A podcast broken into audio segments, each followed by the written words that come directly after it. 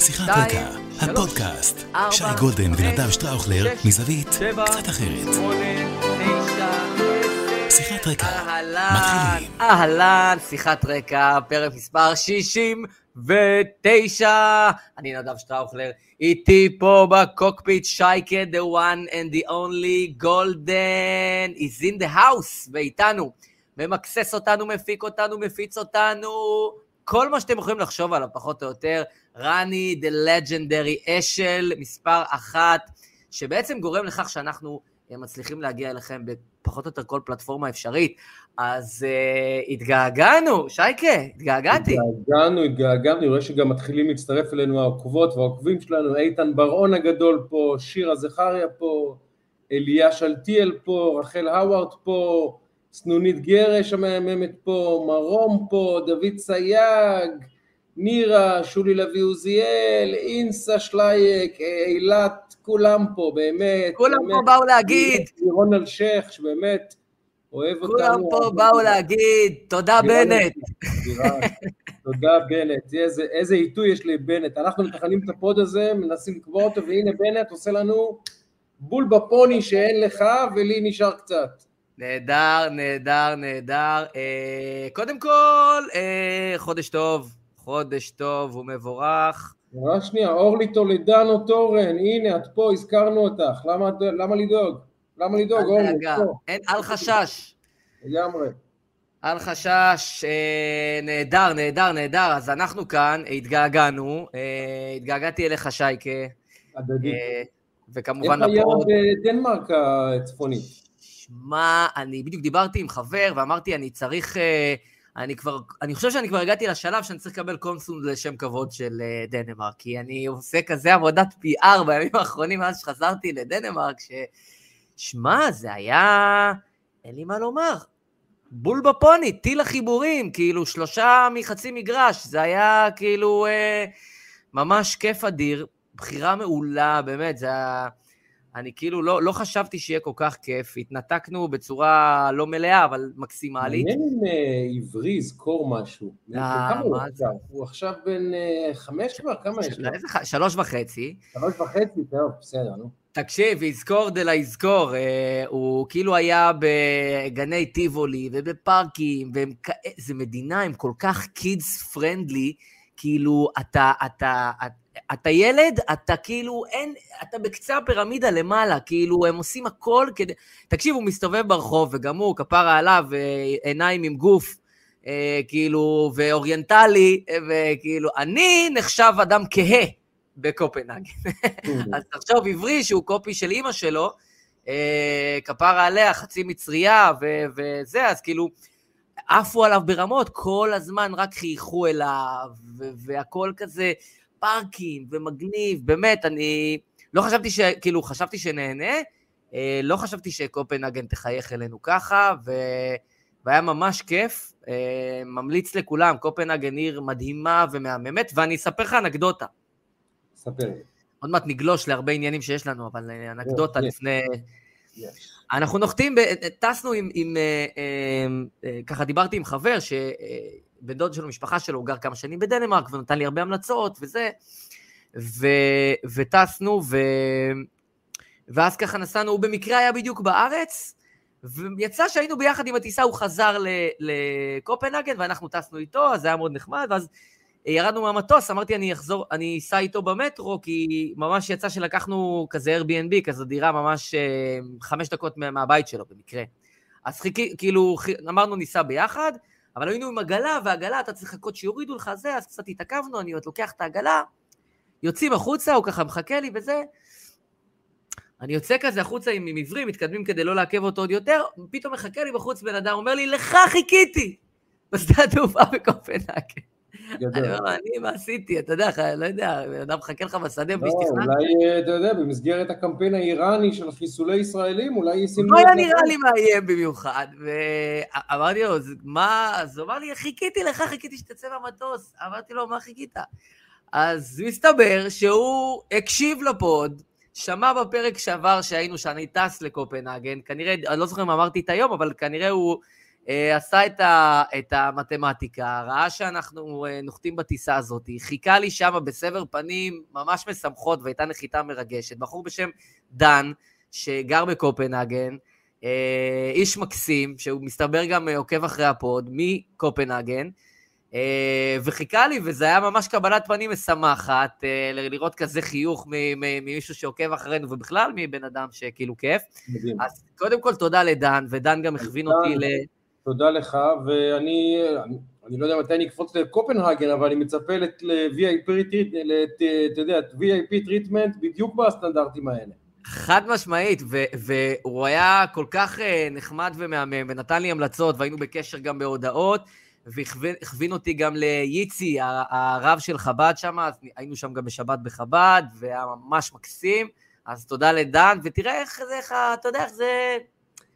איך כאילו הכל אה, מתגלגל ככה, אז אה, מסתבר שה pod מגיע להרבה מקומות שאנחנו אף פעם לא, לא חושבים, אז, אה, אז זה מגניב, אז תודה רבה לדן. אז קופנהגן הייתה מדהימה. בוא, בוא נכנס שוב, נגיד, נגיד שמי שלא מכיר ולא יודע, נדב שטראוכלר, שותפי, חברי הטוב, ממש אח קרוב, מה שנקרא brother from another mother, אנחנו עושים פודקאסט שנקרא שיחת רקע, 69 פרקים, שזה מ"ט בגימטריה, הווה אומר מת. עשינו היום שחמט למישהו, תכף נדבר על השחמט הזה, אם באמת עשינו שחמט.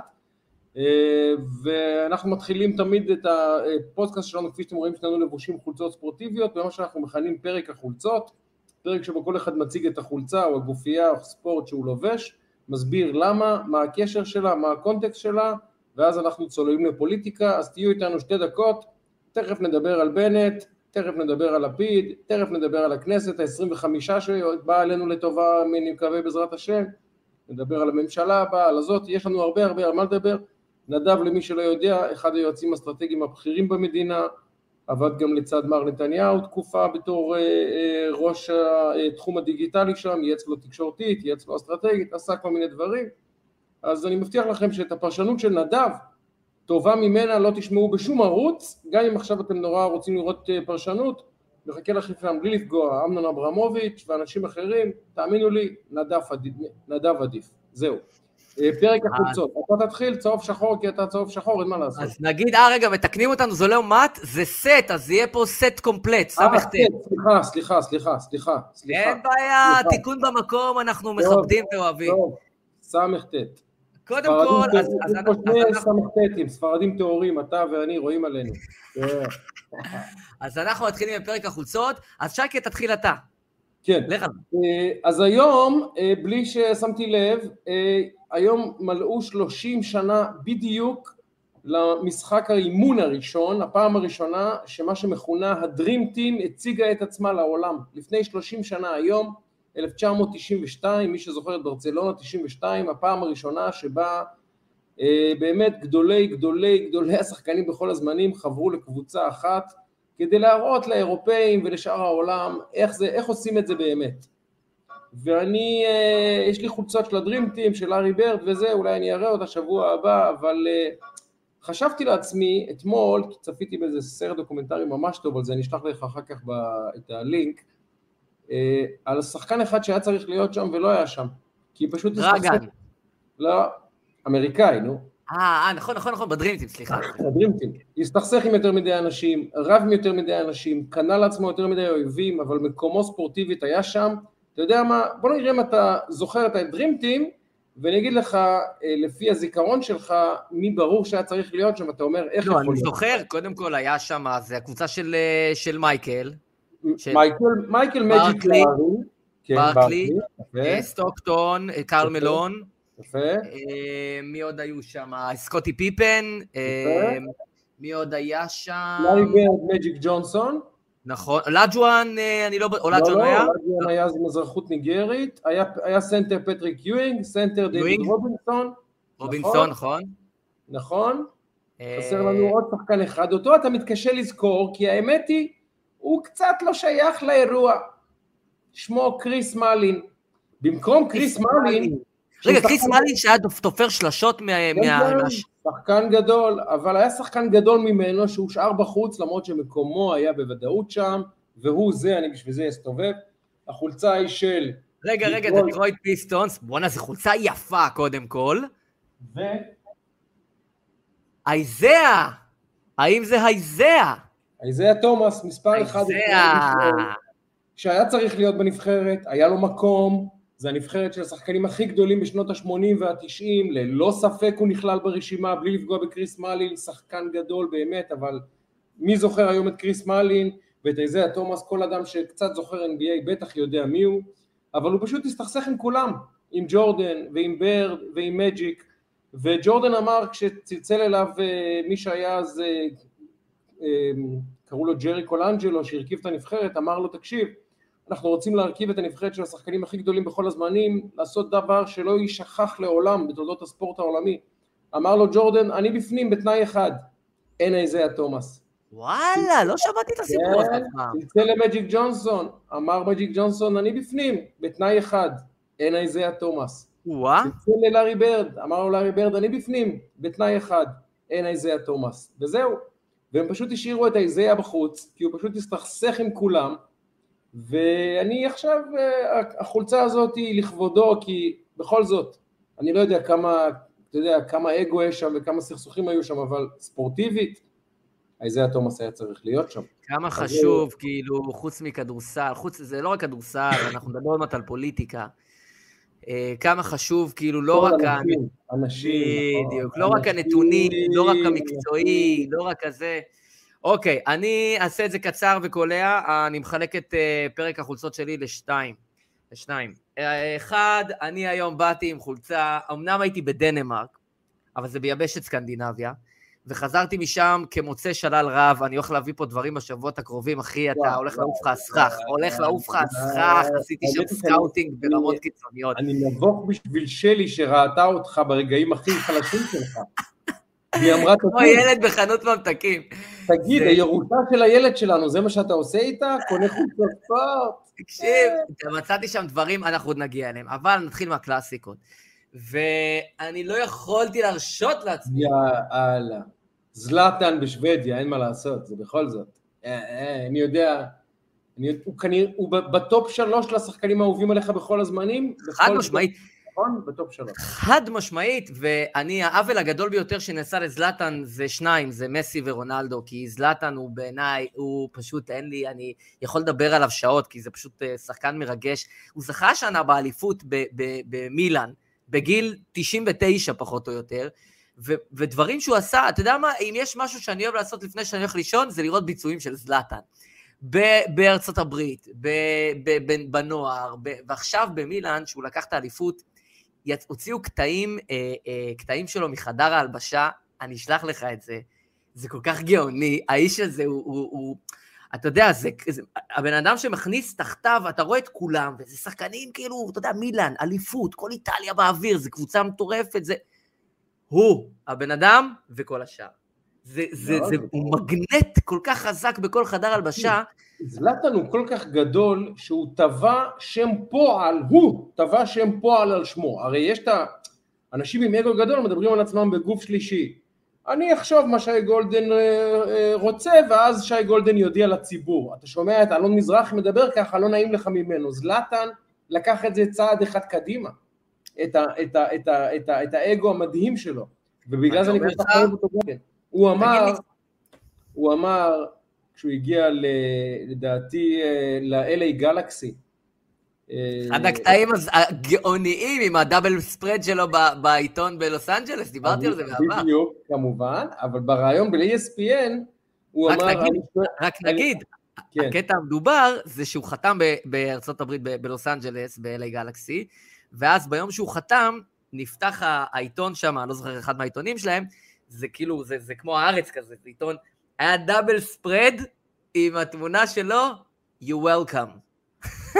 בדיוק, תודה לך. ככה גדל האיש הזה. עכשיו, אנחנו, תכף מסיימים ספורט, חבר'ה כל לחוצים, תכף נעבור, לא לדאוג. אבל רגע, אתה תסיים את זה כי יש לי עוד משהו קטן. אני אסיים רק שם עצם, אז לטן אה, מתראיין ל-ESPN ומסיים את הרעיון בשורה המדהימה הבאה, הוא אומר, I ask you only this America, במבטא השוודי שלו, השבור הזה, הוא אומר, do you dare to זלאטן? האם יש לכם אומץ אי אפשר לתרגם את זה לעברית, זה שם פועל באנגלית, אבל הוא הפך את עצמו לשם פועל. האם יש לכם אומץ להתמודד עם זלאטן, להיות בסיטואציה של זלאטן, להיות בכלל במרחב של זלאטן? זה זלאטן, הוא, הוא, הוא כבר כזה אגומניאק שאתה כבר חייב לאהוב אותו מרוב שהוא מטורלל. כן, הוא ענק. אם הייתי צריך לפגוש אה, שחקן אחד בעולם, אה, כמובן מחוץ לישראל, וכמובן זה, שחקן אחד בעולם שהייתי, היית אומר לי, יש לך עכשיו ערב לעשות איתו בירה ולשבת כאילו אה, זה, זה הבן אדם. אבל רק שנייה אחת. כי חוץ מזה, אני חזרתי עם עוד חולצה אחת. זו חולצה של מישהו שאני מאוד מאוד מאוד אוהב, מאוד מאוד מעריך, אחד מהשחקני נשמה הכי גדולים שפגשתי. נראה אם אתה תגלה. חן ליפין. יאללה. רגע, זה לותר מתאוס או... אה, יותר גדול מלותר מתאוס. יותר גדול, יש... יותר גדול ממתאוס. אה, אני אעזור לך. טוני קרוס? יאללה, יאללה, תראה מה זה. תראה מה זה. חביבי, מה אתה חושב, שאני אחזור בלי איזה חולצה של נבחרת גרמניה, שמונה שי גולדן? מחשבות ever, ever, ever, באמת מרגש, האמת. עכשיו, יש, יש מונדיאל בנובמבר, אם ירצה השם, והמונדיאל יתקיים, הבנתי שיש בעיות, אבל אני מעריך שיתקיים, יש לי כבר חולצה ל-30 יום, אני לא הולך לקבס אותה בכלל.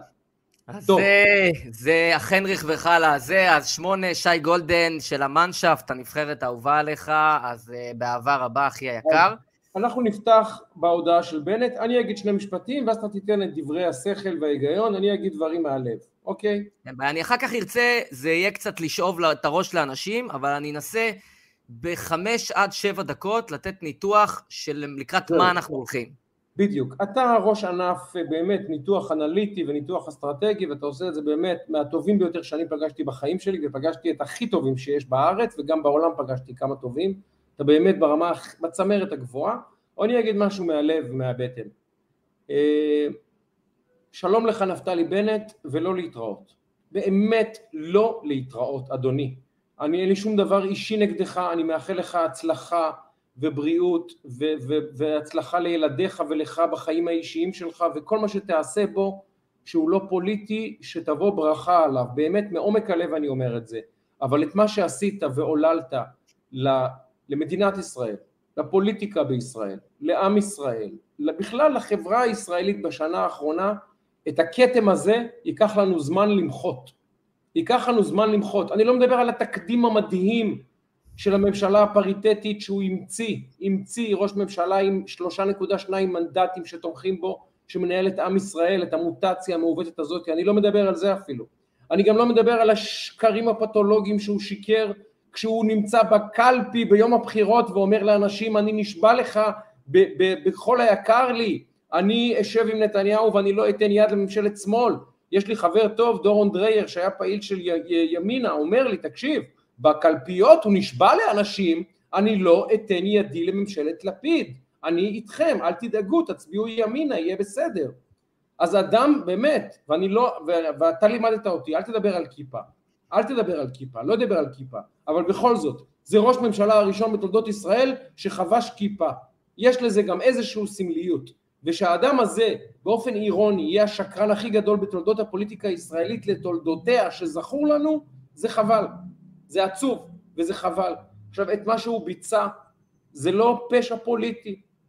כבר היו לנו פושעים פוליטיים, אנשים שיקרו, אנשים רימו, אנשים עשו תרגילים מלוכלכים, אנחנו מכירים את המשחק. זה מעבר לפשע פוליטי, הוא ביצע פשע מוסרי עמוק, אמיתי. יש לא לקיים הבטחת בחירות, גם את זה אנחנו לא ילדים, אנשים לא מקיימים את מה שהם מבטיחים, הכל בסדר. אבל יש לגנוב את הקולות שלך ביודעין, ואז לפנות לאנשים ש... גנבת את הקולות שלהם ולקרוא להם ביביסטים. זה נראה לי שיא השיאים. להתהפך על האנשים שגנבת את הקולות שלהם, שמעזים רק לומר לך, אדוני, אבל גנבת את הקול שלי. אני הצבעתי לך על סמך משהו שהבטחת לי ואמרת לי, ועכשיו אתה עושה את ההפך המוחלט, אתה חובר לכל מי שאני מתנגד לו, ואתה משתף פעולה עם כל מה שאני מתנגד לו. אם הייתי יודע שזה תעשה, לא הייתי חושב לצאת מהבית, קל וחומר להצביע לך. אז מה הוא אומר לאנשים האלה? אתם כטב"מים? אתם מכונות רעל? אתם, את, אתם מכונות הסתה. האיש הזה ביצע פשע מוסרי בין אדם לחברו, ביושבו על כס ראש הממשלה של ישראל, ואני אומר לך, זה הכי קרוב שראיתי לאדם שמכר את נשמתו לשטן בפוליטיקה הישראלית. וזה מילים מאוד קשות, אני יודע, ואני מתנצל מראש, וזה דימוי חריף, אבל האדם הזה כרת ברית מאוד אפלה עם צד מאוד לא יפה בנשמתו, וכולנו ראינו איך זה נראה, וזה לא נראה טוב מהצד. והעובדה שאחרי שנה הוא פורש מהחיים הפוליטיים, היא אומרת דרשני עליך מר בנט. ולא משנה כמה רעיונות תעשה עם דנה וייס, וכמה רעיונות מלטפים עם אה, בן כספית, וכמה מחמאות תקבל מעשרה חמישה עשר אה, אה, כתבים שעבדו בלתחזק את הממשלה הזאת. עובדה, אחרי שנה הממשלה שלך התפרקה לך מול הפרצוף, ואתה בעצמך הבנת שאין לך ציבור, אין לך בוחרים, אין לך קהל, אין לך עתיד פוליטי, ופרשת מהחיים הפוליטיים. אז במבחן התוצאה, כנראה שהיית כישלון מוחץ. מעבר לזה, לדיראון עולם, כל פעם שידברו על מעשה פוליטי נכלולי, כל פעם שידברו על שקר, כל פעם שידברו על מעשה גניבה, יגידו בנט, יגידו בנט, זה יהפוך לשם פועל, אמרנו do you dare to זלאטן, אני אגיד לך שטראוכלר, מה אתה עושה לי בנט עכשיו? כל מי שירמו אותו, כל מי שידפקו אותו, כל מי שיגנבו אותו, כל מי שישקרו אותו יגיד מה, הוא עשה לי בנט, תראה את השותף שלי, עשה לי בנט, זה יהיה שם פועל, הוא לא מבין מה הוא עשה לעצמו בנט, לדיראון עולם, ואני באמת, כתבתי פוסט לפני חצי שעה, אני מקווה שזה היה שווה את זה, שזה היה שווה את זה נפתלי, השנה הזאת שנכנסת סוף סוף להיכל, כל חייו הוא חלם להיכנס להיכל, אני מסיים עכשיו, נכנסת להיכל נפתלי, אני מקווה שזה היה שווה את זה, לדעתי, אם זה המחיר של למכור את נשמתך, ואתה יודע, כמו שאימא שלי אמרה, שי, אלוהים מסתכל גם על מה שאתה עושה, לא רק בני האדם, אז אם אתה פיך ולבך שווים ממה שהקדוש ברוך הוא ראה ומה שאנשים ראו, תהיה, תהיה בריא. אבל באמת, לך וברשותך אל תחזור לעולם לחיינו. אני יודע שנדב יש לו פרשנות אחרת, פוליטית, אבל ממעמקי ליבי אני אומר, נפתלי בנט, פשעת, ביצעת פשע בעם ישראל, לך, אל תחזור. תודה רבה, מיצינו. זה הכל. בדיוק עשיתי אפצ'י, אתה יודע מה אומרים על אה, מישהו שעושה אפצ'י בזמן שמישהו אחר מדבר? זה היה מה שנקרא מעומק הלב, בלי ניתוח פוליטי, מעומק הלב, לך ואל תשוב לעולם. אה, תראה, אני מבין מה שאתה אומר, אני רוצה לחבר אותם, דיברת על הרגש, אני רוצה לחבר אותם לשכל. כן. שנייה, סליחה. תראה, אני הייתי שמח בזמן שיש לנו, אה, לקחת אותנו לאיזה טיול קטן, ברשותך. ברשות החברים. ברשות הקינוח האב שלי. אמ, תראה, אלא אם כן יקרה משהו מאוד מאוד חריג, מה שכנראה לא קורה, אנחנו יוצאים לבחירות שיתקיימו ב... כנראה בתחילת נובמבר. עד בנובמבר הבנתי, כן. כנראה בתחילת נובמבר, יש פה עוד קצת עוד כמה עניינים, אבל זה הולך לשם. אנחנו הולכים לקראת מערכת בחירות אה, מרתקת. אני לא אומר אה, סתם, באמת מרתקת. אה, הולך להיות פה קרב אה, מסקרן מאוד. אה, אני, אתחיל מ, אני אתחיל מנקודה מבנט, ואחר כך אני אנסה לתת לך את התמה אה, של כל אחד משני הצדדים, מה המשחק שלו. זה משחק שהוא דומה במידה מסוימת למשחק שהיה בקמפיין 3, בקמפיין השלישי, קצת דומה לקמפיין הרביעי, אבל משחק אחר. אה, אנחנו בעצם נמצאים בעיצומו, מי שעוקב אחרי הפוד, אנחנו מדברים כבר כמה שבועות על מערכת הבחירות שהחלה הרבה לפני שהכריזו על פיזור הכנסת. אה, דיברנו פה כבר גם על מה הולך להיות אה, הנרטיב של אה, פחות או יותר של, בוא נגיד לפחות מהצד השמאלי של המפה, מה הולך להיות הנרטיב, אנחנו רואים. אני אגב מציע למי שרוצה להשתכר חזק בקיץ הזה, כל פעם שיאיר לפיד אומר את צמד המילים בן גביר, איתמר בן גביר, או בן גביר או איתמר, להרים צ'ייסר, אתם תהיו שיכורים פצצות בתקופה הנראית לעין. אתם לא תוכלו לעבור יום אחד על הרגליים, מה זה?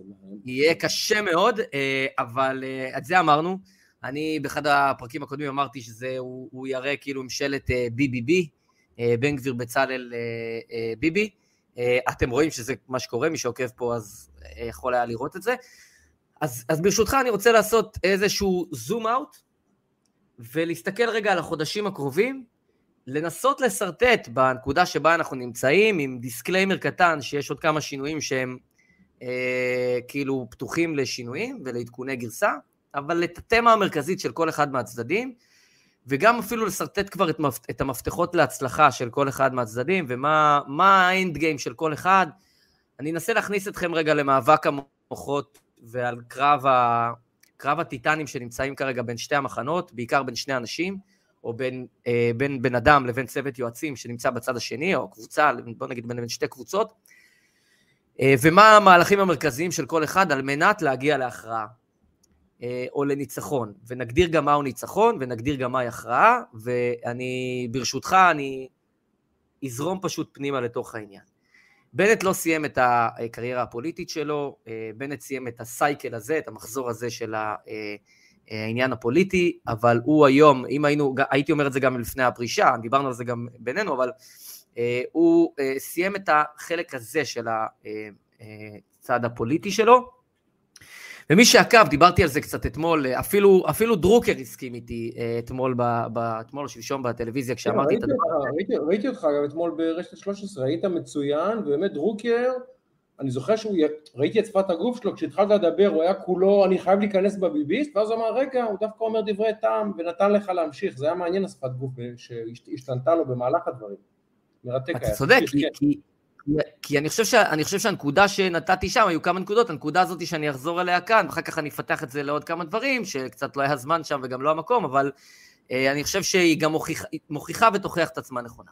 אז אני אתחיל מנקודת הפתיחה, סבב הרעיונות האחרון של בנט, אה, רעיונות הפרידה שלו, אה, בכל הערוצים, באמת היו שם כמה ניואנסים מאוד מעניינים, ובעיקר העובדה שהוא מנסה למסגר את הכהונה שלו כמשהו, לא מה שהיה, אלא מה שהוא אה, מנסה למסגר, לייצר נרטיב, והוא בעצם מסמן לעצמו אה, שני תהליכים. אחד, אה, לנסות למסגר את הכהונה הקצרה ביותר בהיסטוריה של מדינת ישראל, ככהונה קדושה, מלאה ומוצלחת. בואו ננתק רגע מציאות, אבל אני נכנס רגע לנרטיב שלו. ושתיים, הוא בעצם נפרד לשלום באופן סופי מה... ממצביעי הימין במדינת ישראל. עזוב שהם נפרדו כבר ממנו, הוא גם עכשיו כבר נפרד מהם. אה, והוא בעצם מסמן, היה שם קטע ממש מעניין באחד הראיונות, אני לא זוכר, צפיתי בשלושתם באישון לילה, בערך 50, 45 דקות שלושת הראיונות. אמ, הדבר המעניין זה שהוא הלך לקיבוץ בארי נדמה לי, לאחד מהיישובים בעוטף עזה, כן, אני לא זוכר, כן. נדמה לי ב-13 או לא זוכר באחד מהערוצים, כן. ובעצם הוא מדבר שם עם קהל שאומר, אנחנו מצביעי מרץ, ואנחנו רוצים להגיד לך תודה, אני מסכם את ה... מאמלק כן. את הנקודה. עכשיו, הוא יודע שהם לא היו מצביעים לו עכשיו, הוא גם החליט כבר שהוא אה, בעצם סיים את, אה, את, אה, את הכהונה ואת הנקודה שלו, אבל הוא בעצם מסמן בזמן שכולם עכשיו נערכים ביתר שאת לקמפיין 2022, הוא כבר עובד על אה, מערכת הבחירות של 2024. אפשר להעריך את זה, אולי זה טיפה לפני, טיפה אחרי, אבל הוא כבר מסתכל על מערכת הבחירות של 2024, ומסמן כבר את הקהל העתידי שלו. הוא מדבר על קהל המרכז, טיפה שמאלה, מרד זה קצת קיצוני, אבל אה, מרכז שמאל, אם יש דבר כזה, הוא מסתכל עליהם ורוצה להגיד להם, חבר'ה, אני הייתי ראש ממשלה טוב, אני הייתי ראש ממשלה מכיל, פוזיטיבי, עוד כל מיני דברים, מסרים שהם לא רלוונטי לקהל הימני, הוא לא דיבר איתו, לא סתם הוא לא בא לערוץ 14, זה עולם תוכן שלא מעניין אותו, הוא הסתכל רק על הקהל, שהוא יודע שהוא לא יכול להצביע לה היום, אבל שהוא מנסה כבר להכין, והוא יעשה את זה ביתר שאת בטווח הנראה לעין מבחוץ, להכין את הקרקע לקמפיין 2024, והוא כבר הזניק אותו מבחינתו. אם אמרנו לפני חודש, חודשיים, שלפיד ואחרים כבר הזניקו את קמפיין 2022, בנט מזניק את קמפיין 2024. אז זה לגבי בנט. אני אשאל רק שאלה קטנה ותמשיך עם הניתוח. תגיד, אבל במרכז די צפוף, יש לפיד שבונה במקביל גם הוא את המותג שלו ואת הנוכחות שלו, ועכשיו ירצה להיות ראש ממשלה, ואולי גם יחלום על ראש ממשלה אחרי הבחירות הבאות. אז לפיד בונה מאוד חזק את המאחז. בני גנץ גם כן לא מתכוון לוותר על מאחז המרכז. אנחנו שומעים שגדי איזנקוט נכנס. מתחילים להיכנס דמויות די משמעותיות למרכז שמאל. שמאל, שמאל זה מרב מיכאלי והורוביץ, זה לא מעניין, הם לא יחזרו לשלטון לעולם, הם יישארו מפלגות שוליים. המרכז בישראל היום והימין זה שני הגושים האמיתיים. עכשיו, אז בנט רוצה למקם את עצמו, אני מניח, בגוש המרכז, אבל איזה מקום יש לו במרכז בכלל? הכל תפוס גם שם. עזוב שמאל, הוא הרי לא ישבור שמאל על להתחרות בהורוביץ וב... אז תראה, אז, אז, אז תראה, קודם כל בפוליטיקה אתה צריך לחיות את היום, מה שנקרא, וכרגע הוא מבין שדבר אחד ברור, בימין נגמר העניין. עכשיו הוא צריך לחפש קהל חדש, אין לו ברירה, זה לא... זה, זה המצב. אין לו, אין לו אזורים אחרים. עכשיו אתה צודק, האזור היום מלא, אבל אני לא מדבר איתך על היום, אני מדבר איתך על עוד שנתיים, אולי אפילו קצת פחות או קצת יותר אפילו. כשהוא מסתכל לשם, הוא אומר, אוקיי, הם עכשיו ילכו לשם, אחד או כמה מהם ייצרו אה, שחיקה מתמשכת, יהיה לי מקום כדי להיכנס, ובאותם סקרים, שאני מסתכל עכשיו כבר שנתיים קדימה נגיד, בסדר? כן. אה, אני אראה כמישהו שיכול להוסיף מנדטים, ניסיון וכולי, לפיד יכול לשריין אותו, הוא לא חייב בלג אחד לרוץ עד למעלה, הוא לא מסוגל גם, אין לו מנוף.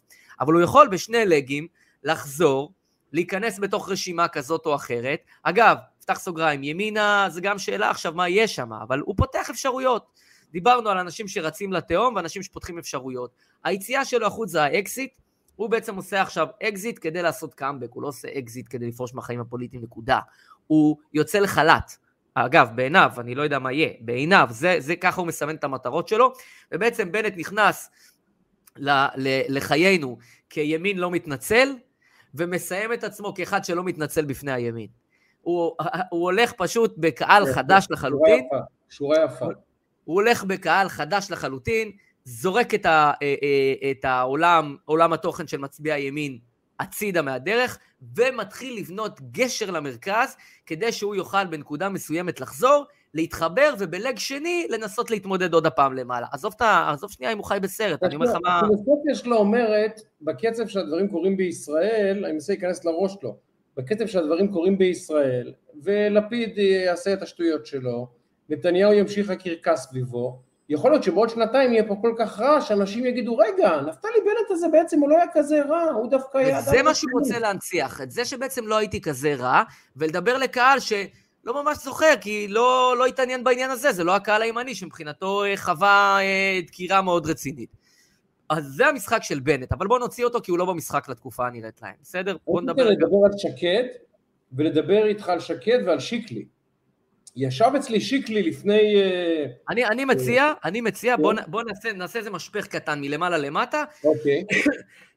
כי, סליחה, כי, כי שניהם שחקנים רלוונטיים, אבל ב, לא, לא, לא בנקודה המרכזית. מה שאני מנסה לומר זה ששקד מחסלת את שיקלי בעצם, בין אם היא מתכוונת או לא מתכוונת לכך. ישב אצלי שיקלי לפני שבועיים שלושה באולפן, אדם שאני אוהב אותו אהבה גדולה אישית. גם אני, והיה פה והיה תענוג גדול איתו. אדם מקסים, מענץ', הלוואי, באמת, היום הכנסת הזאת נפרדת מאיתנו ואנחנו נפרדים ממנה, הלוואי ו-120 שיקלי יהיו בכנסת, באמת הלוואי.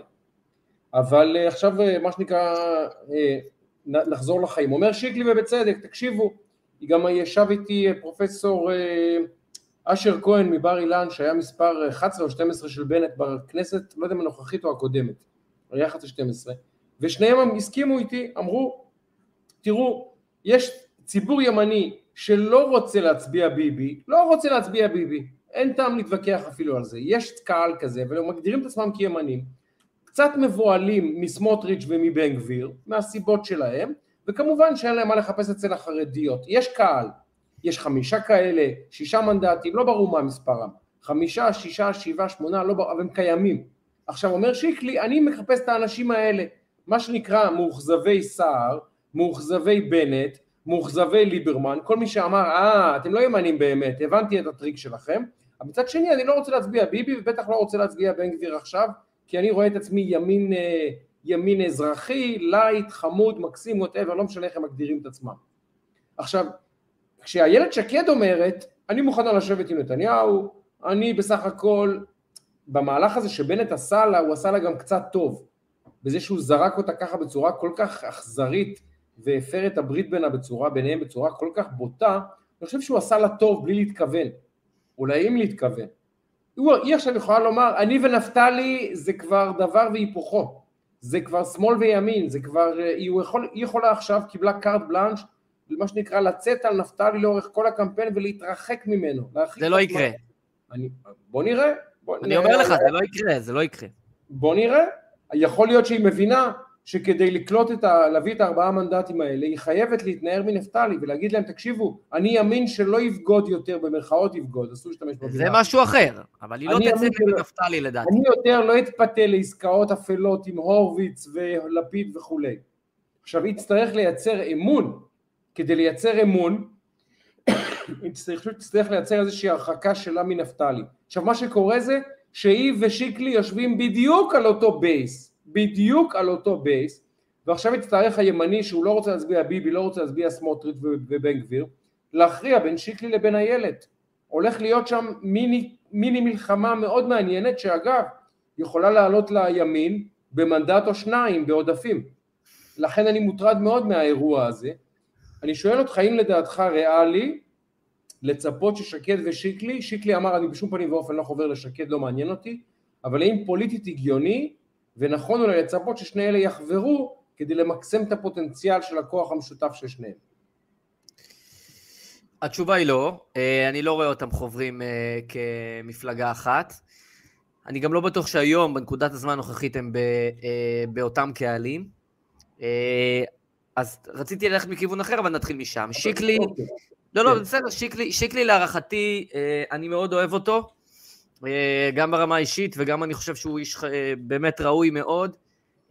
שיקלי בבעיה, לא בטווח האסטרטגי, בטווח הטקטי של כרגע, של המערכת הבחירות הקרובה, אה, הוא, ב, הוא נמצא בבעיה מכיוון שאני חושב שאין מספיק אה, leverage, אין מספיק אה, יכולת תנופה ויכולת מינוף אה, בתקופה, בזמן הנראה לעין, אני חושב, כדי לייצר מאמץ שהוא רץ איתו עד הסוף ועובר את אחוז החסימה. אלא אם שני דברים יקרו. אחד, הוא יצליח לייצר לעצמו רשימת נבחרת ברמת הסיירת מטכ"ל, כל אחד בול בפוני בטירוף, ולהגיד את האמת, אין אנשים כאלה היום, כמעט ואין. הוא צריך להביא כמה כאלה, וזה לא פשוט. והדבר הנוסף זה שהוא כל כך יעבור את החוזר חסימה, שנתניהו ידחוף אותו כלפי מעלה. שני הדברים האלה הם המפתחות של שיקלי, וזה מפתחות אולטרה קשים להשגה, כך שאני בנקודה, בנקודה הזאתי אה, אה, סקפטי. אבל אה, תקשיב, אם איילת רצה ועושה רושם שהיא רצה בראש ימין... רגע, אז... אוקיי. יש, בוא נגיד שהיא לא עוברת אחוז החסימה. היא מביאה, אה, לא יודע מה, 70-80 אלף קולות. זה שני מנדטים שהלכו לפח, שצריכים לחלק אותם איכשהו בהסכמי עודפים, נראה אם היא תחתום. אבל תקשיב, זה 70-80 אלף קולות של הימין שהלכו לפח. אם היא לא עוברת אחוז חסימה, אין הסכם עודפים, אגב, זה לא רלוונטי. אבל, אה, אבל תראה,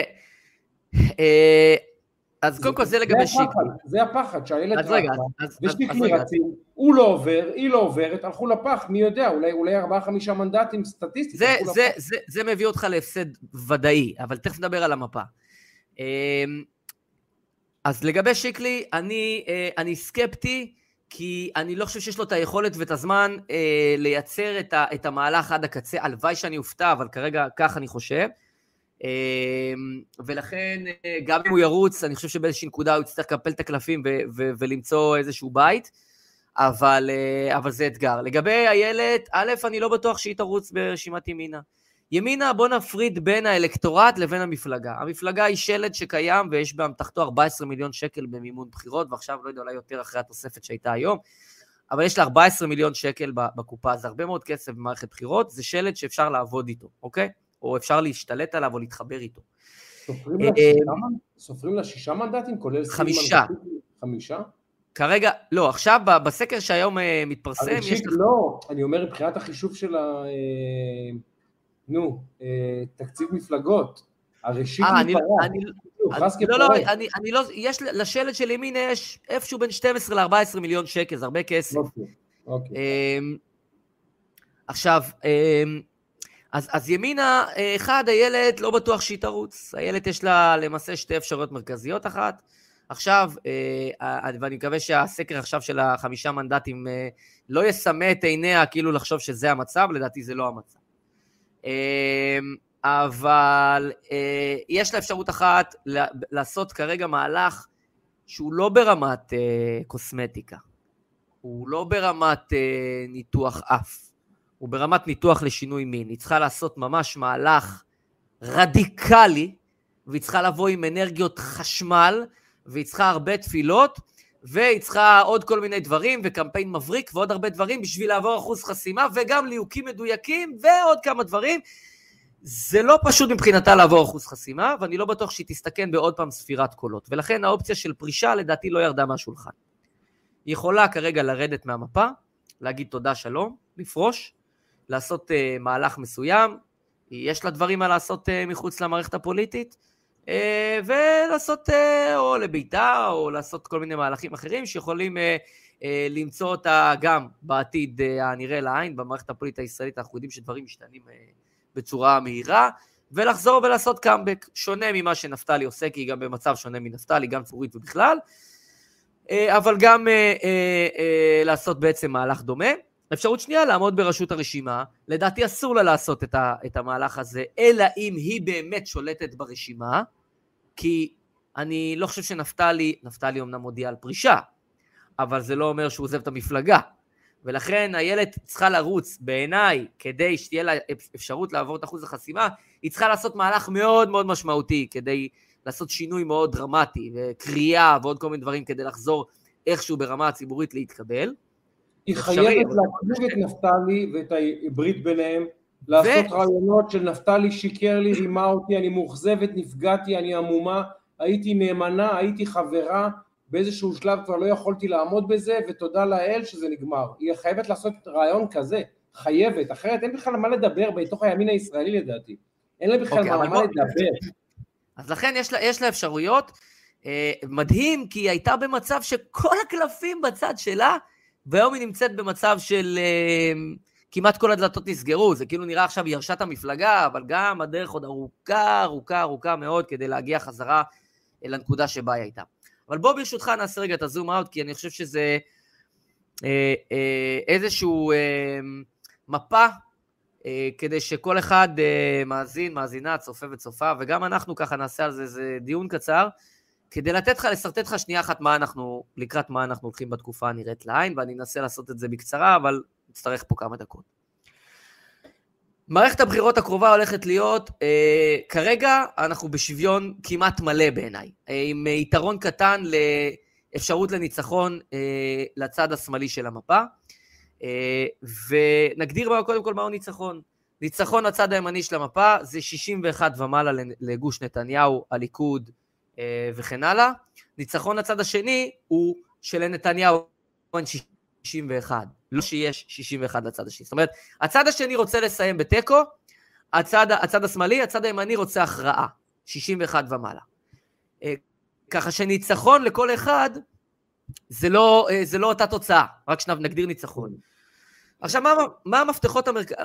המפתחות המשמעותיים לכל צד לנצח, ומה המהלכים שהוא הולך לעשות, ומה הרגישויות שהולכות להיות לנגד עינינו? אנחנו עוד בפרקים הבאים נצלול לכל אחד מהדברים האלה, אבל חשוב לי לנסות לעשות איזה מפינג, מורה נבוכים רגע לקראת מה, מה אנחנו באים. כדי שהימין יגיע ל-61, צריך לקרות הדברים הבאים, ואם אחד מהתנאים האלה לא מתקיים, אין סיכוי לנצח. כדי לנצח צריך שכל התנאים שאני אגדיר עכשיו יתקיימו במלואם. ולכן הימין מתחיל פה בדפיציט. בוא נרשום.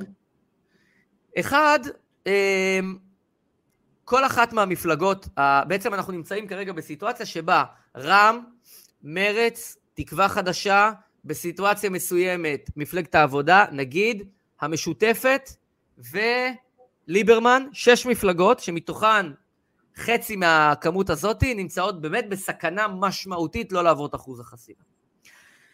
אה, כדי שהימין יגיע ל-60... ליברמן בחשש לעבור, אתה חושב שהוא לא, לא, יש סיכוי לא, לא, אני חושב שהוא... אני חושב שהוא יעבור, אני אגיד לך תכף מה אני חושב שהסבירויות, אני חושב שהוא יעבור, אבל יש פה שש מפלגות שהתנדנדו בחודשים הקרובים.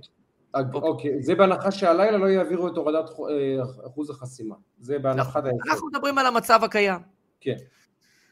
אה, כדי שהימין ינצח, כדי שיגיעו ל-61, אתה כמעט וחייב בכל תרחיש שלפחות אחת מהן אה, לא תעבור את אחוז החסימה. רק נגיד במקביל, אה, בנט מדבר, אז כל אחד יחליט אם הוא רוצה להקשיב לבנט זה בסדר, לא, אני אתן... אני יודע מה הוא אומר, עשיתי הכל למען עם ישראל, הכל זה נאום שנכתב לפני שנה, בשבוע. חוזר לילדיי, נשיקות לגילת אהובתי ולילדיי, אני אומר לכם מראש, זה יהיה הנאום, אם תרצו אני אה, אנאם במקומו, יהיה אותו אפקט, מבטיח לכם. כן. אוקיי, אז אני, אני במפתחות. מפתח אחד שאחת מה, מה, אה, מהמפלגות לא תעבור את אחוז החסימה. לדעתי רע"מ נמצאת במצב לא הכי טוב, מרץ נמצאת במצב לא טוב, ו... ויש פה עוד כמה שחקנים שמתנדנדים, גם תקווה חדשה, למרות שאם ימינה לא רצה, יש פה איזה דיסוננס, תקווה חדשה בין כל המפלגות היא עם ה base הכי קטן, אבל עם הפוטנציאל הכי גדול לעבור, כי אני חושב שגדעון, ברגע שימינה נניח וייתכן והיא לא תרוץ, או בקונסטלציה הנוכחית, ואם בנט מקפל את עצמו כמובן, אה, הרבה אנשים ירצו להצביע לגדעון, כי גדעון בשום מצב כביכול לא יישב עם נתניהו, וירצו שבעצם זה קול בטוח ל... מי הקהל של גדעון? זה לא קהל של אנשי ימין, מי הקהל של גדעון? תסביר לי. אה, מרכז, אנשים שלא רוצים את נתניהו, אנשים שהם בדעות, אה, גם חלק אגב דעות ימניות ולא אוהבים את נתניהו, וגם אנשי מרכז-שמאל שלא מעוניינים שנתניהו יהיה ויודעים ש, ש, שהוא, כאילו, שגדעון לא יישב איתו. Mm. אה, ויש הרבה כאלה. אמ, אז, אז המפתח הראשון שאחת מהן לפחות לא תעבור. אם שתיים לא עוברות, הסיכוי של נתניהו לנצח, של הימין לנצח, הוא קרוב ל-90 אחוז. אם אחת לא עוברת, יש סיכוי סביר וטוב, זה מפתח ראשון. המפתח השני זה שיופקו הלקחים מקמפיין אה, מספר 3 וקמפיין מספר 4 בקמפיין הליכוד. אני מעריך כרגע את הליכוד... אני רוצה בתוך הניתוח שלך, הודעה של בני גנץ מהיום, לא בני גנץ, מי זה היה? תכף אני אגיע לגנץ, לא תכף אני אגיע כי גנץ מאוד לא, משמעותי בה. היום, אה, איך קוראים להם גלי גנץ? כחול לבן קוראים להם. כחול לבן היום אמרה, אנחנו בכנסת הבאה לא נפסול אף אחד. אם צריך נשגע עם נתניהו. אז זה גורם מעניין. אוקיי. אה, כחול לבן הולכת להיות השחקן הכי משמעותי בפוליטיקה הישראלית בחודשים הבאים. כך נראה. תכף נסביר גם למה. כך נראה. אוקיי, אז אה, מפתח ראשון אמרנו, אחת לפחות לא עוברת, עם שתיים סיכוי ודאי כמעט לניצחון, אחת לא עוברת, יש פוטנציאל לניצחון. המפתח השני זה להצליח לייצר את מה שאנחנו ייצרנו אה, בקמפיין אה, א', אה, וזה להגיע למספר של 35-36 מנדטים, לדעתי כרגע זה לא שם. לדעתי כרגע זה לא שם. כרגע לדעתי המצב נוגע בבין 30 ל-32, 33 מקס. אתה צריך להגיע למספר של 35 ואילך, 36 יהיה טוב מאוד. כדי להגיע לשם צריך אה, אה, להפיק לקחים קרדינליים משני הקמפיינים הקודמים, שהיה בהם כשל מרכזי אחד, מי שיסתכל על קמפיין אחד למול קמפיין שלוש וארבע, אה, יראה את הפערים, בעיקר בערי הפריפריה, ובעיקר בשטח ליכודי, שבו היה בין 60 ל-80 אחוז מיצוי, זאת אומרת, הפסדת בין 20 ל-40 אחוז פוטנציאל בערים מסוימות, ירדת שמה, כדי לנצח אתה חייב להגיע לרמת, ה- להיקף ההצבעה שהיה לך בקמפיין 2019 א', בעיקר בפריפריה. עשו עבודה לא מספיק טובה בקמפיין השלישי והרביעי, פספסו שם קולות, וברגע שהם פספסו את הקולות האלה, אה, או בהינתן שיפספסו את הקולות האלה, אז אה, אין דרך לנצח. זאת אומרת, הליכוד צריך להגיע למקסימום כוח, כמו שעשה בקמפיין הראשון, וצפונה כדי לנצח. Mm-hmm. נקודה שלישית, נקודה שלישית, אחוז הצבעה במגזר הערבי. אחוז הצבעה במגזר הערבי, לפי השקלולים כרגע, מדבר על 41 אחוז. זה אחוז שהוא טוב. זאת אומרת, 41 אחוז במגזר הערבי, זה אחוז שמאפשר לאחד משניים, או שאחת מהמפלגות, בדגש כנראה על רע"מ, לא עוברת, או שיהיה היקף מנדטים כזה שהוא עדיין מאפשר לימין לנצח ולהגיע ל-61. זאת אומרת, שלוש הנקודות האלה, אלה must. אם אחד מהדברים האלה לא מתקיים, הסיכוי של הימין לנצח הוא לא גבוה, הוא, יותר מזה אני אגיד לך, הוא סיכוי די נמוך. זאת האמת. מהצד השני, אני רוצה לתת את המקרו, אחר כך נצלול בכמה רגעים, ואנחנו נשלים את זאת בפרקים הבאים. בצד השני, אה, לא בכדי לפיד אומר בן גביר, בן גביר, בן גביר, בן גביר. הוא דה פקטו וביודעין מחזק את איתמר בן גביר. איתמר בן גביר נמצא כרגע בשיא כוחו אולי אי פעם בפוליטיקה הישראלית. בהחלט. אני חושב שהוא היום, אה, בסיטואציה האמיתית, לא ראיתי מה הוא יצא בסקרים היום, בסיטואציה האמיתית הוא יכול להגיע לדו ספרתי עם בצלאל. בהחלט. וזה בזכות הקמפיינר מספר אחד שלו אי פעם, וזה יאיר לפיד. אבל יאיר לפיד... אפשר להגיד עליו הרבה דברים. אה, בקמפיינים, והוא משתכלל עם הזמן, הוא יודע לעבוד, יש לו יועצים טובים ויש לו צוות נכון והם יודעים לעבוד, זה אדם שהקים מפלגה מאפס, והוא היחיד שעשה את זה ב-20 ומשהו שנים האחרונות, מפלגה מצליחה. לא משנה בכלל מה אנחנו חושבים. הוא לא סתם נוחת בן גביר בן גביר. הוא אומר את זה כי הוא מבין שהוא חושש מאוד מאדישות, והוא יודע שהוא הולך להיות עכשיו ראש ממשלה שלושה ארבעה חודשים, זה נזק פוטנציאלי גדול מבחינת הגוש שלו, כי הוא גם, אני מניח, מודע למצבו, והוא בממשלת מעבר ויהיה לו מאוד קשה. לימין יש דמון סוף סוף משמעותי, הרי לפיד אמר אני לא ארוץ, נתניהו כל הזמן ניסה להוציא אותו מהארון הפוליטי, תעדכן, תגיד שאתה רץ, תגיד שאתה רץ, והוא לא רצה להגיד שהוא רץ, הוא ידע למה, כי נתניהו מחפש במרכאות, כן, דמון פוליטי, בנט הוא הדמון פוליטי הטוב ביותר שקיים בשוק היום, לימין, ועדיין יצטרכו לנצל את זה בתבונה רבה, אבל יאיר לפיד לא סתם משחק על בן גביר, הוא משחק על בן גביר כי הוא מפחד מאוד מאדישות המצביעים שלו. הוא יסמן ממשלה משיחית, אה, מטורפת, מסוכנת לעתיד המדינה, אה, והוא ינסה להצמיד את, אה, את בן גביר לבנט, מה שדיברנו כבר מזמן, כדי להוציא את האנשים שלו מהאדישות, וכדי להצביע, כדי להרחיק אנשים מנתניהו.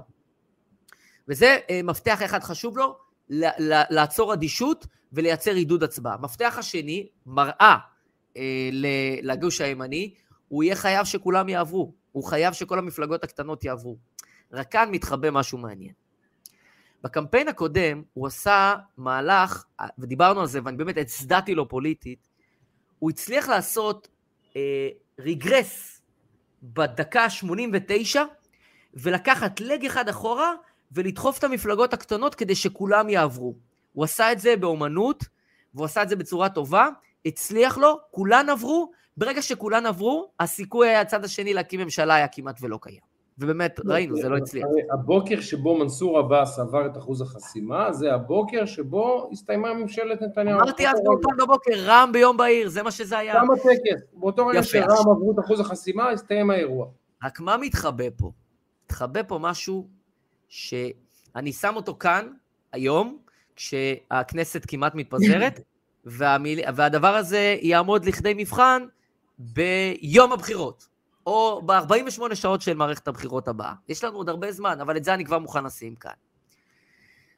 הולך להיות לו מאוד מאוד מאוד קשה, כי אנחנו היום, וזה אה, יתרון יחסי של הימין במערכת הבחירות הבאה, הפוזיציה. נתניהו מגיע מפוזיציה לא של ראש ממשלה, ובהפוך על הפוך זה טוב לו בעיניי. נכון. בצד השני, לפיד מגיע מפוזיציה של ראש ממשלה, ומעבר לכל הדברים, חלקם ברורים יותר, חלקם עוד, עוד התגלו, הקטע הזה שהוא עשה בפעם הקודמת, וחסם את עצמו ועצר, ולקח לג אחד אחורה ונתן לקטנות לעבור, הוא, הוא, הוא התקשה מאוד לעשות את זה משני טעמים. האחד, כי הוא בא מפוזיציה של ראש ממשלה, והוא הולך לדחוף הכל, את כל הצ'יפים הוא הולך לדחוף פנימה. ולקחת אחורה בנקודה שהוא רץ all in על ה, על, בתור ראש ממשלה, בתור המפלגה הגדולה בגוש, דוחף את כל הצ'יפים שלו, מה שנקרא, בכל הכוח קדימה, לעשות סוויץ' בשבוע האחרון, ב-72 שעות האחרונות, ולהגיד תצביעו מרץ, או בטח תצביעו רע"מ, או משהו כזה, יהיה לו לוז-לוז, הוא לא יוכל לעשות את זה הפעם. ו- ודבר שני אני אגיד לך, הוא גם לא יצליח לעשות את זה ברמה האנושית שלו, הוא לא יצליח, הוא לא יתאפק, הוא ילך עד הסוף. ומכיוון שאני מעריך שהוא ילך עד הסוף, הוא מגדיל את הסיכויים של אחת מהם ליפול. בצד השני, וזו, וזאת נקודה שהיא קריטית במערכת הבחירות הבאה, זו אולי הנקודה הכי חשובה במערכת הבחירות הבאה. הניתוח שבעיניי הוא ניתוח לא רק פוליטי, הוא גם פסיכולוגי של האיש, ושל מצב הצבירה שהוא יהיה בו, שהוא מצב צבירה אחר ממה שהוא היה בפעם הקודמת. עכשיו בוא נזכור גם... רגע, ועוד לאנקדוטה אחת. כן. חרב הפיפיות מהצד השני זה שהחוזקה היא החולשה. נתניהו ילך, אם בקמפיין הקודם, הוא היה בקמפיין הרבה יותר פוזיטיבי, הפוזיטיבי ביותר מכל הקמפיינים שלו, והוא עשה בשכל. בקמפיין הזה זה יהיה קמפיין דיכוטומיה מטורף. צד אחד יגיד, אתה הצבעת על נתניהו, קיבלת את בן גביר, קיבלת משיחי וכולי וכולי, והסברתי המשמעויות. צד שני יגיד, הצבעת לגוש השמאל, הצבעת ללפיד, קיבלת רע"מ, קיבלת ממשלה אסלאמיסטית, תומכת במחבלים וכו' וכו'. אממה, אין ספק, זה גם מסר קריטי במערכת הבחירות הזאת. אממה, זה פוגע בנקודה שדיברתי קודם על 41 אחוז. כי כשאתה הולך בקמפיין כזה, אתה מעלה את אחוז ההצבעה במגזר הערבי. לכן יהיה פה קרב שהוא צריך להיות כל כך מדויק לכל אחד מהצדדים, שכל מסר שתדחוף אותו חזק מדי, יהיה לך בבקפייר. ולכן זה הולך להיות כל כך עדין, וזה יהיה כל כך מוכרע בנקודות קטנות, עד כדי כך שהחוזקה של כל מפלגה וכל, וכל נרטיב היא גם במידה מסוימת החולשה שלה. ועוד דבר אחד אני אגיד. כן. למה אמרתי ש... אה, שכחול לבן היא המפלגה החשובה ביותר. א', כי אני חושב שהם הולכים להביא תוצאה מאוד גבוהה, אה, בגלל שהרבה מאוד אנשים, אה, אה, אנחנו עוד נגיע לזה, אבל, אבל באמת בני גנץ עשה הרבה מאוד מהלכים גדולים, הוא דוגמה למישהו שיצא מהקבר, הוא עשה הרבה מאוד מהלכים, והוא כרגע מגיע בפוזיציה מושלמת לבחירות, ולא סתם נאמר מה שנאמר, הוא פותח אופציות, והוא לא הולך לשבת באופוזיציה. הוא בפוטנציאל להיות, להיות ראש ממשלה או שר ביטחון. וגם אם נתניהו, להערכתי, יגיע ל-61, עדיין בני גנץ ירצה להיות בממשלה של כל אחד שלא יהיה, כי הוא לא מפלגה שיכולה לשבת באופוזיציה. אה, ולכן הוא שחקן מגה חשוב, הוא כמעט היחיד, אולי למעט איילת שקד, אם היא תרוץ וכולי, שעשוי לשבת בשני הצדדים, ולכן כוחו הוא עצום, ללא קשר לתוצאה, ואני חושב שהוא יקבל אני, תוצאה. אני אגיד משהו. אז ככה נתתי לך באמת איזה overview על ה...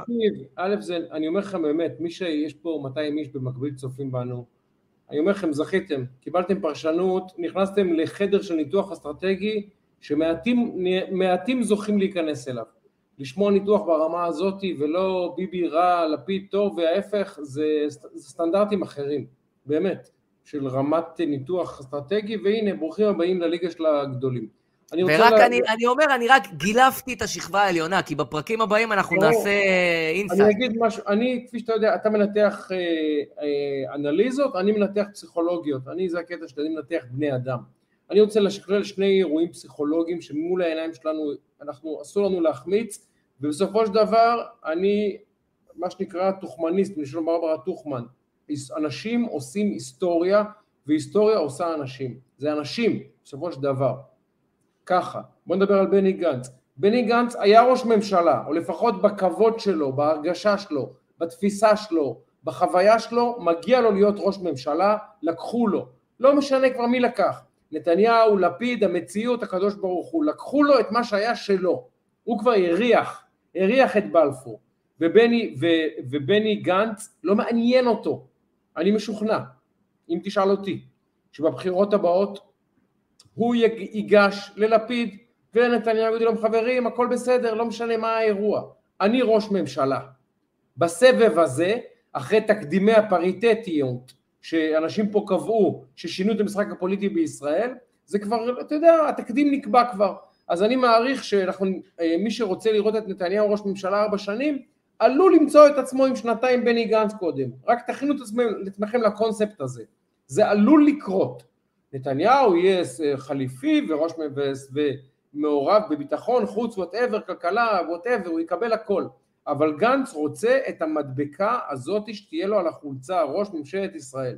הוא לא יירגע, והוא ישחק את הקלפים שלו, ואתה צודק, זה הבחירות שהוא מגיע אליהן הכי טוב. אה, הוא מגיע אליהן אתה יודע, הוא עכשיו ב- ב- בירידה של האלה שעושים סקייטבורד, הוא בירידה לקראת התאוצה, הוא ממש... לא האמינו שהוא יהיה סגן רמטכ"ל, לא האמינו שהוא יהיה רמטכ"ל, לא האמינו שהוא יחזור לפוליטיקה, לא האמינו שהוא יעשה...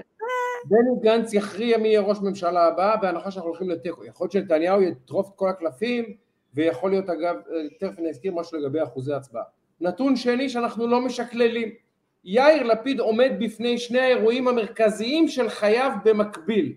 קודם כל הוא נכנס לפאקינג בלפור, לא בלפור, בלפור מטאפורית. הוא, תקשיב, הוא לרגע הזה, הוא בטח 10, 12, 15 שנה שהוא חושב על פוליטיקה, לזה הוא חיכה, לזה הוא עבד, והוא יודע שיכול להיות שזו הפעם הראשונה והאחרונה שהוא, שהוא יבקר במקומות האלה. עכשיו, ההלם של להיות ראש ממשלה לא לוקח שבוע לעבור, לוקח שלושה ארבעה חודשים. במקביל הוא מנהל את הקמפיין החשוב ביותר שהוא ניהל בחייו.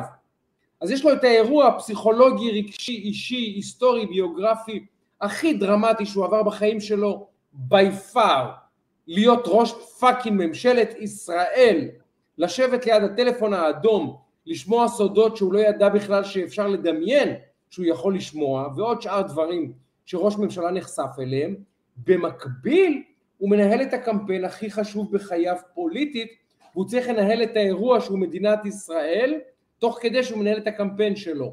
עכשיו, אשקלל עוד גורם למשוואה, והוא המציאות. אנחנו יודעים שבישראל ארבעה חמישה חודשים זה לא נצח, זה נצח בחזקת נצח. משהו יקרה נדב, משהו גדול יקרה, ויכול להיות שהמשהו הגדול והדרך שבו לפיד יתמודד איתו, הוא יכריע בכלל את סוגיית התאמתו לתפקיד ראש הממשלה. אינני יודע מה הדבר הגדול הזה. אני מאחל לעם ישראל שלא נדע אפילו לא סכנה אחת גדולה, אבל סטטיסטית אני אומר חברים, כנראה שנעמוד מול אירוע ביטחוני משמעותי. יאיר לפיד כרגע נמצא גם אצל אוהביו, בצריך עיון מסוגל להתמודד עם אירוע ביטחוני דרמטי. גם אוהביו אומרים בוא נבדוק אותו כשהתותחים רועמים. עכשיו הסטטיסטית יקרה פה משהו שיצריך תגובה כנראה צבאית ישראלית משמעותית. אני לא יודע מהו, אנחנו לצערי ישראלים, אנחנו יודעים שזה יקרה. עכשיו אני חושב שיכול להיות שיש רגע כמו כפר כנא של פרס, לכל, כמו אה, ילנה ראפ של אה, אה, שמיר בבחירות שבו רבין ניצח בשעתו, לכל ראש ממשלה כזה או לכל מועמד ראש ממשלה, חודש, חודשיים, שלושה לפני הבחירות, יש פתאום אירוע שמהפך את הכף לחלוטין, הופך את הכף.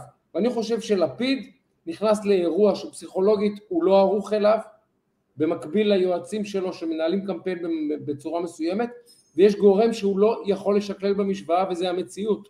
משהו יקרה ואיך שהוא יתמודד איתו יכריע את השאלה של מה יהיה עם לפיד. כי אם לפיד ייכשל באירוע הביטחוני וזה יצרב ככישלון, זהו, אחי, it's over. השוליים האלה של האחוז וחצי שניים שמכריעים את הנדנדה לא ילכו אל לפיד. ושם באמת שאלוהים יעזור לו, אני רוצה שאלוהים יעזור לנו ולא אל לפיד, אבל אני לגבי לפיד לא אופטימי. יגיד מילה על נתניהו, מילה על נתניהו. שוב נדב, אתה באמת, אני אומר את זה לא, לא, לא, לא בגלל שאתה אח שלי וחבר שלי, אתה באמת אחד האנשים הכי מבריקים בניתוח המצב הפוליטי בישראל. אני חושב שנתניהו צריך לומר מהיום הראשון דבר אחד, כמו המסרים הסמויים של קוקה קולה, היה פעם אה, ניסוי חברתי שעשו, לראות איך התת מודע עובד על, אה, מסרים עובדים על תת מודע. אז הקרינו לאנשים סרט, ועשו פריים אחד בלבד של קוקה קולה, שהוא מיקרו שנייה, פחות מעשירית שנייה היה. ובסוף ה, ה, איך לזה, בסוף הסרט נתנו להם קוקה קולה ופפסי ו-90% הלכו לקוקה קולה, כנראה שהמסר עבד, לא משנה. נתניהו, כל סרטון שהוא עולה והוא לא אומר מי שלא הולך להצביע, מי שלא הולך להצביע, הנאה לפעולה מהיום הראשון. אני חושב שהמסר בבחירות צריך להיות לא לפיד ולא בן גביר ולא סכנה למדינה ולא טיבי ולא שמיבי ולא כלום, רק דבר אחד, ימנים רוצים את המדינה בחזרה, לכו להצביע. אתם רוצים את מדינת ישראל, לכו להצביע. לדעתי הוא צריך לייצר קמפיין הצבעה בבחירות מ-day one, וזה המסר העקרוני, להוציא את הימין להצביע. כי בעשרת אלפים, עשרים, ארבעים אלף איש האלה, שעליהם המדינה כל הזמן נופלת, אם הימין לא יצביע, it's over אחי, נשב פה וננתח ניתוחים, זה לא יעזור. הוא צריך להגיד דבר אחד לאנשים, סבלתם, רוצים אותי בחזרה, לכו להצביע. ארבעה חודשים, לכו להצביע. זה הכול. אז, אז אתה צודק, אני, אני אגיד שאנחנו, בפרק הבא אנחנו ננסה לעשות את זה עכשיו, אנחנו הולכים לקראת תקופת בחירות, יהיו פה הרבה דברים מרתקים ומעניינים, יהיו לנו גם אורחים אה, בתקופה הנראית לעין. אה, ואני אני רק, ב, אני לפני, לפני סיום ממש, אני אגיד, לא דיברנו על מפלגות הקטנות, לא דיברנו מהבית היהודי, כל מיני אלי אבידר, כל מיני שחקנים קטנים, שאנחנו גם עוד נגיע אליהם, כי המשחק יוכרע בדברים yeah. הקטנים ובשריפת קולות וכולי. אה, לא נדבר על המשמעות של עיתוי הבחירות, נדבר על, ה, על הפריימריז בליכוד, יש כמה דברים מאוד מרתקים שישפיעו מאוד על העניין, אבל אני רוצה שני דברים קטנטנים, ממש נספיק ממש בדקה-שתיים שנשארו לנו. אה, אחד, שאפו ענק, ענק. אתה יודע מה, אני אתחיל רגע הפוך. לפני שנדבר על החיובי, נדבר רגע על, על הזה. קודם כל, אנחנו מקפידים בכל שבוע וגם היום. אה, אברה מנגיסטו, 2,852 ימים, ואני כתבתי לך שבוע ברגע שהחמאס הוציא את, את הניסיון סיבוב שהוא עשה, ניסה לעשות על מדינת ישראל ולא הצליח, אה, וראינו את מצבו של הישאם, שהוא גם אחד מהשבויים שלנו, וזה נראה רע, וזה כואב, וזה גם מקרה נורא, אנחנו לא... זה אברה, אם זה היה אברה, אני באמת... אנחנו, אנחנו לא מדברים... באמת, בריא, שם מעומק הלב, לא משפחתו, ליבי יוצא נכון, אליהם. נכון, נכון. בגרם נכון. אחד של ציניות. על אברה נכנס לי ללב יותר, קצת, ובאמת, פחדתי מאוד שחס ושלום אברה...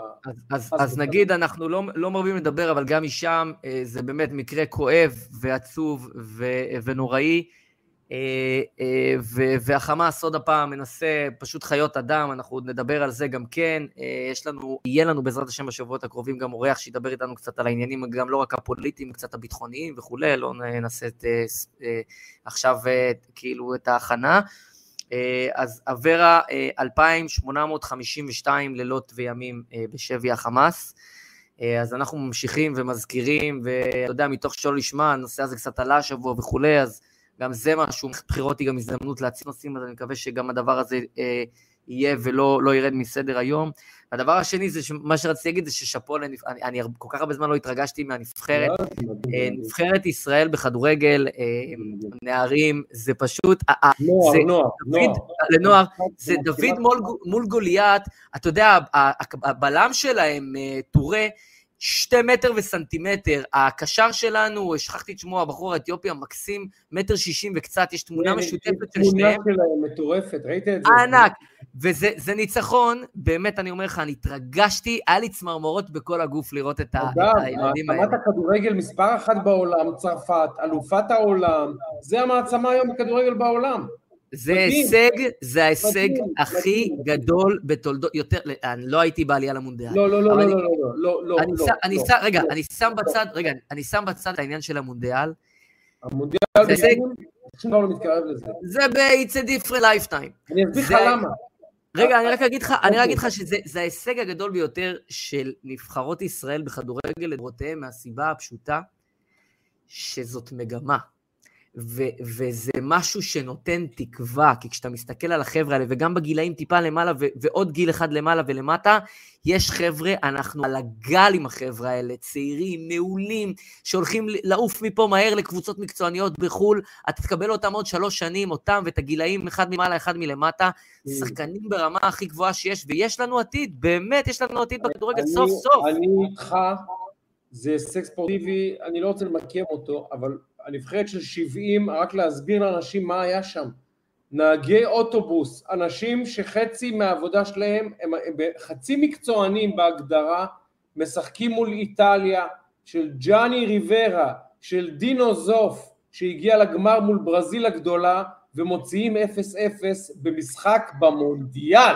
אתה צודק, והנה גם מול שוודיה. לא היה כדבר הזה. אבל תקשיב, זה אירוע שקרה לפני 52, כן, 42 שנים? כן, 42 שנים. אבל תקשיב, זה פאקט... אז it's a different lifetime. בתקופת חיינו, מה שנקרא, מאז שהכדורגל המודרני קיים, ב-20-30 שנים האחרונות שהכדורגל תפס... בימי חיינו, כדבר הזה בכדורגל לא ראינו, ואני מקווה רק דבר אחד, שמהנבחרת הזאת יצאו ארבעה, חמישה, שישה חבר'ה לבוגרים, שהם יביאו את המנטליות הזאתי לבוגרים. כי המנטליות של הבוגרים זה תמיד חסר את הגרוש ללירה, זה מפסידים את ה... ותקשיב, הם התחילו את המשחק הראשון, אני ניסיתי להתנתק מקסימום, אבל את זה לא פספסתי. ראיתי את המשחק הראשון שלהם נגד סרביה, היו הרבה יותר טובים, היו צריכים לנצח 5-1, ספגו גול דקה 94, 2-2, ואמרת כמה הם מוכשרים, כמה זה, בסוף מנטליות ישראלית, קיבלנו גול דקה 94, ומשם הם המשיכו לניצחון כביר על אוסטריה, ובאמת, אליפות פשוט בלתי רגילה, בכל לא, העולם הכדורגל, מחוץ לישראל מדברים על זה. אופיר חיים, אדם שלפני שבועיים אף אחד לא ידע מי הוא, הביא את הנבחרת הישראלית לאחד ההישגים בתולדות הספורט הישראלי, בכדורגל בוודאי, מדהים. אגב, רק נזכיר שהצעירה שלנו בכדורסל, אחת לשנתיים או זוכה באליפות אירופה עד גיל 21, או מגיעה ל... אבל שם, תראה, שם, שם, אה, אה, שם לא היינו ברמה כזאתי, אה, לא היינו בהישג כזה. אגב, לא רק אנחנו, זה קליקה כל כך קטנה של נבחרות, שאין נבחרות, זה לא, זה, זה לא הגיוני בכלל. ועלינו למונדיאל איתו באינדונזיה, שזה בפני עצמו זה דבר מדהים. מדהים, אז מדהים. שאפו לנבחרת, אנחנו מבקרים כל הזמן, אז שאפו ליאלה חוס, יאלה חוס שהביאו איש מקצוע. אני יודע שאתה חייב ללכת תשע, גם יש לך משהו שאנחנו לא רוצים ששלי תתרגז. אני רוצה שאנחנו נקבע לעצמנו דבר אחד, לסיים כל פרק בקריאה לכל עוקבינו ועוקבותינו באשר הם, לכו להצביע, לא משנה למי, לכו להצביע. אני אגיד לך, יש לנו... לכו להצביע בבקשה. אני אגיד לך, יש לנו עוד כל כך הרבה פרקים עד אז, שאני... בוא נשמור את זה לעוד קצת קדימה, אבל מה שכן, אנחנו נסיים ונאמר, קודם כל, חודש טוב ומבורך לכולן ולכולם, ושנשמע בשורות טובות, ושיהיה לנו אה, באמת בריאות לכולם. אה, ושייקה התגעגעתי, וכיף שחזרנו, הולכים להיות לנו אורחים מרתקים לא, פה בתקופה הנראית לעין. תקשיב, זה היא תמוקם, תסתכלו שוב מה נדב הביא לי מחו"ל, מתנה, לצערי נבחרת גרמניה, אני מתנצל מי שלא יודע, אני לא נבחרת גרמניה, והוא הביא לי רק נגיד, מי שמאזין אה, ולא צופה, חולצה מספר 8 שכתוב מאחורי הגולדן של הנבחרת כן, כן, כן. של המאנשפט, נבחרת גרמניה אהובה לשייקה, באהבה רבה, אחי היקר. אה, אז אנחנו נקנוס את הפרק ונגיד, תודה רבה רבה רבה לכן ולכם שמאזינות ומאזינים, באמת, אפילו עד דנמרק, אז כל פעם זה מפתיע, והשבוע יצאתי מאיזה חנייה עם אה, אה, מישהו שעובד איתי ככה, הקפיץ אותי לאיזשהו מקום, אנחנו יוצאים מהחנייה, מישהו בא להיכנס, אומר לי, מה, איפה אתם? נעלמתם? כבר שבועיים אין פרק, אחי, אני יוצא מחנייה, זה היה מצחיק, זה היה מצחיק, אז באמת, אה, באמת זה מדהים כל פעם מחדש מהקהילה שנהיית פה, אגב, כל פרק שעולה, אוטומטית זה תוך זמן קצר רגע, מגיע לאלפי אלפים. בוא ננסה אבל לייסד, נגיד, בכל חמישי, אחרי הצהריים בערב, שיהיה אנשים בסוף שבוע גם. הנה. לפני כניסת השבת, עם הבישולים, עם הניקיונות, עם כל מה שעושים, ומי שמעדיף בשבת אה, אה, להיות מחובר לחשמל גם, שיוכל להעביר אותה בסבבה עם הפרק. נכון. בוא ננסה להתחייב בכל חמישי, בשעות אחר הצהריים אה, ערב, ולייצר לחבר'ה את הפתרונות שלנו. כן, ובעזרת השם אנחנו נייצר את זה בעיקר לסופי השבוע, אה, נשתדל לעשות זאת ויש לנו פה עוד הרבה דברים על הפרק. אז אה, שייקה, אנחנו אה, כונסים את הפרק, אנחנו נגיד תודה רבה לכן ולכם, נגיד תודה רבה וגדולה לרני אשל הגדול, שעורך אותנו ומפיק אותנו ומפיץ אותנו. אנחנו בספוטיפיי ובגוגל פודקאסט ובאפל פודקאסט ובפייסבוק ויוטיוב ובערך בכל מקום אפשרי. אה, ואני חושב שאנחנו, הולכת להיות תקופה מעניינת, שייקה. תקופה מרתקת בישראל, ואומר זאת ככה, אה, צפו, צפו לבלתי צפוי, כי משהו מפתיע יקרה, אני לא יודע מה, אבל ממש. ברור שאנחנו נדבר בעוד חמישה חודשים ונגיד איזה קטע, מה חשבנו לעצמנו ב-1 ליולי, זה ברור. יפה מאוד, אז uh, אנחנו בעזרת השם בשבוע הבא בפרק מספר 70, שייקה, אני אכין הפתעה. תקשיב, 70 זה מדהים. ואני מקווה שעד אז אני אפגוש אותך כבר לתת לך את החולצה, אז אנחנו נעשה תיאום בינינו. אז uh, נגיד לכן ולכם תודה רבה על הזמן, לא מובן מאליו, ועל כל הפידבקים וההודעות אנחנו קוראים. לשושנה גבאי ולגלית אסיס וליאיר לוי הגדול. הנה, התעורר הבן אדם. וליטל כמובן האהובה, ליטל יפת, ומי זה, מוטי בן עמי, ודנה מרציאנו, ואיתן ברון, שהוא גם גוף וליטל פה. אנחנו שידכנו פה, תדע, שני חברים, הבאנו פה באמת שני חברים בישראל. יש לך שליש גן עדן. משהו. יפה. יאללה חברים. אז uh, תודה רבה לכן ולכם, uh, פרק מספר 69 בשיחת רקע, סלמת.